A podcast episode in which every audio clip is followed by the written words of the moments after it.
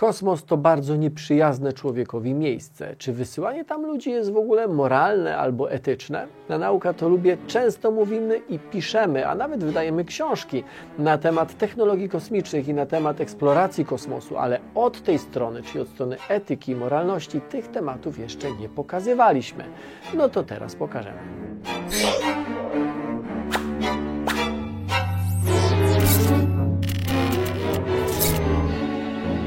Eksploracji kosmosu mówi się bardzo dużo, ale bardzo rzadko w tym kontekście wspomina się o jej bioetycznych aspektach. No, może za wyjątkiem literatury Lema.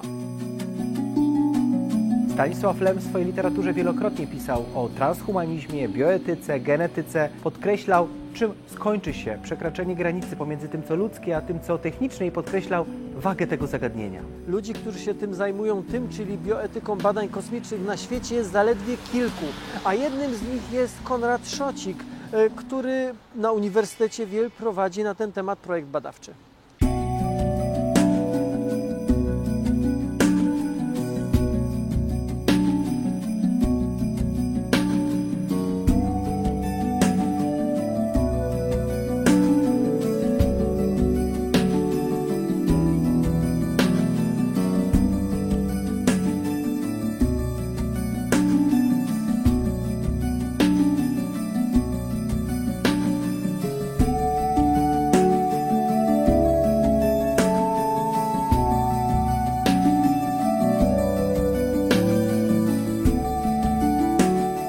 Konrada Szocika odwiedziliśmy na Uniwersytecie Yale w mieście New Haven w stanie Connecticut, gdzie Konrad prowadzi swoje badania. Jak bioetyk zajmuje się podróżami kosmicznymi, to pierwsze pytanie, jakie się narzuca, co nieetycznego jest w podróżach kosmicznych? Czy w ogóle y, sama koncepcja podróży może być bardzo nieetyczna? Bo jeżeli y, spojrzymy na historię eksploatacji Ziemi, tutaj pojawia się wiele pytań o to, czy ludzkość nie powtórzy tej samej eksploatacji, niszczenia, y, wyzysku w kosmosie. I pojawia się też szereg pytań dotyczących samego człowieka. Czy można człowieka narażać na niebezpieczeństwo podróży kosmicznych, czy y, jak, jakby to wyglądało, gdyby się okazało, że e, zagrożenia będą na tyle duże, że na przykład alternatywą pozostaje albo rezygnacja z takich misji, albo na przykład jakieś radykalne modyfikowanie, widząc jak kontrowersyjne są te rzeczy na Ziemi dotyczące chociażby modyfikacji genetycznej, może się okazać, że taka modyfikacja na Ziemi zabroniona będzie niezbędna, żeby zrealizować jakieś cele w kosmosie, więc pytanie się pojawia, czy te cele będą warte tego, żeby y, przeprowadzać na ludziach zabiegi, co do których mamy obiekcje teraz. Biorąc pod uwagę to, czym się zajmujesz, że to jest dość kontrowersyjny obszar, taki styk genetyki, tego obsza- obszaru bioetycznego, zastanawiam się, czy to jest tak, że nie było miejsca w Europie dla tego typu działań naukowych i stąd właśnie Yale, stąd, y, stąd Ameryka. Myślę, że, że trochę tak było, bo, bo jednak y, to, że Ameryka jest y, super mocarstwem także i w zakresie misji kosmicznych, bo w końcu to tylko obywatele tego kraju wylądowali na Księżycu i to, i to już- już 50 lat temu, sprawia, że jakby zajmowanie się tym tematem również z punktu widzenia humanistyki, filozofii, y, no to jest idealne miejsce. Tutaj jakby nikogo nie dziwi, że się o tym dyskutuje, że się stawia wszystkie pytania. Y, To, co zauważyłem, gdy chodzi o uczelnie amerykańskie, zwłaszcza Yale, to jest to, że jeżeli jakiegoś pytania nie stawiają, to dlatego, że już je kiedyś postawili.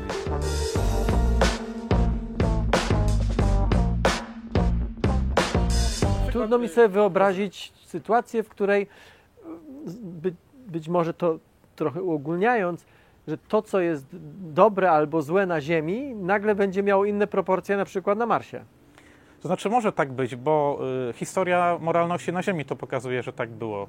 Y, czy chodzi na przykład o, o kwestie y, seksualności ludzkiej, czy, czy prawa kobiet, czy stosunek do zwierząt, czy na przykład kara śmierci, czy tortury.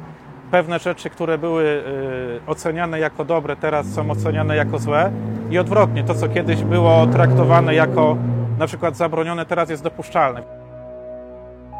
Jeżeli chodzi na przykład o, o kontekst tutaj tych różnic między Ziemią a kosmosem, to bym powiedział, że y, to, co jest na Ziemi traktowane jako wyjątek, na przykład modyfikowanie komórek zarodkowych, które jest teraz zabronione klinicznie tylko w niektórych miejscach na potrzeby badań, y, w, w kontekście kosmosu mogłoby stać się procedurą, która byłaby nie tylko dopuszczalna, ale może nawet nawet niezbędna, gdyby się okazało, że no, będzie to użyteczne. To może też dotyczyć takich procedur, które już teraz znamy na Ziemi, jak aborcja czy eutanazja, prawda? Możemy sobie wyobrazić, że y, w pewnych specyficznych warunkach misji kosmicznej y, na przykład decyzje o, o eutanazji mogą zapadać powiedzmy łatwiej czy szybciej, gdzie w analogicznej sytuacji na Ziemi byśmy nawet nie myśleli o tym, prawda? Ze względu chociażby na braki zasobów, personelu medycznego i tak dalej. Tylko taki jeden, jeden z wielu przykładów.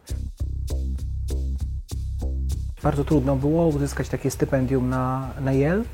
Znaczy, było trudno, bo y, już myślałem o uzyskaniu takiego stypendium parę lat temu, y, kiedy uznałem, że żeby y, osiągnąć wyższy szczebel w rozwoju, no potrzebny mi jest taki pobyt badawczy, przynajmniej roczny za granicą. Trzeba w jakiś sposób było dorównać kolegom amerykańskim czy brytyjskim y, i to, że y, wcześniej pisałem tylko po polsku, na pewno mi tego nie ułatwiało. Bardzo często, przynajmniej w tych opisach, które znalazłem na temat Twojej pracy czy Twojego programu badawczego, pada stwierdzenie, czy pada ten wątek modyfikacji genetycznych człowieka. Mm, czy chcesz powiedzieć, że człowiek niezmodyfikowany nie jest w stanie skolonizować nawet bliskiego nam kosmosu? To jest oczywiście gigantyczne wyzwanie. Więc tutaj takim pierwszym y, punktem byłyby, y, byłaby modyfikacja komórek somatycznych u dorosłych osób, oczywiście za ich zgodą, świadomą zgodą, gdzie y, dążylibyśmy właśnie do y, poprawienia pewnych cech, na przykład czy to wydajności, czy odporności, w zależności, to, to można aplikować do różnych partii ciała, prawda? To nie chodzi o modyfikację całego organizmu. Natomiast oczywiście wyzwaniem byłoby na przykład modyfikacja komórek zarodkowych. Tutaj y, to jest takie może trochę bardziej y, spekulatywne i odległe, bo żeby modyfikować komórki zarodkowe, musielibyśmy mówić o rozmnażaniu człowieka. Więc pytanie, rozmnażanie człowieka i modyfikacja w kontekście kosmosu, co to znaczy? Czy ludzie w kosmosie? No pewnie kiedyś by to było możliwe. I być może to brzmi trochę fantastycznie, ale też rozważam takie kwestie, chociażby dlatego, że każda idea kolonizacji kosmosu i przetrwania ludzkości w kosmosie musi zakładać rozmnażanie człowieka lub yy, jeszcze, zamrażanie człowieka. Na przykład, ale jakąś opcję, yy, jakąś opcję yy, rozmnażania trzeba tutaj y, założyć, żeby można kontynuować pokolenia. Oczywiście o tym często się nie myśli w tym kontekście, więc pytanie, czy to byłoby możliwe w warunkach kosmicznych? Być może właśnie modyfikacja komórek zarodkowych byłaby niezbędna, żeby to przyszłe y, pokolenie, które ma żyć w kosmosie, czy to na potrzeby y, misji kolonizacyjnych, czy jakichkolwiek innych, być może to będzie jedyna forma dostosowania do takiego środowiska.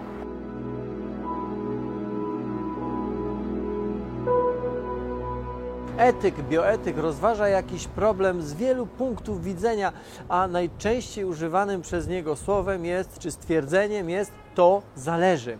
I można by odnieść wrażenie, że to jest uciekanie od konkretnej odpowiedzi, ale moim zdaniem w tym jest ogromna wartość. Świat czy życie nie jest jednowymiarowe i warto na nie spojrzeć z wielu różnych kątów. Czy w Twojej ocenie przy, dzisiejszej, e, przy dzisiejszym poziomie technologii wysyłanie ludzi wyszkolonych na Marsa, e, oczywiście z planem ich powrotu, czy to jest etyczne, czy nie?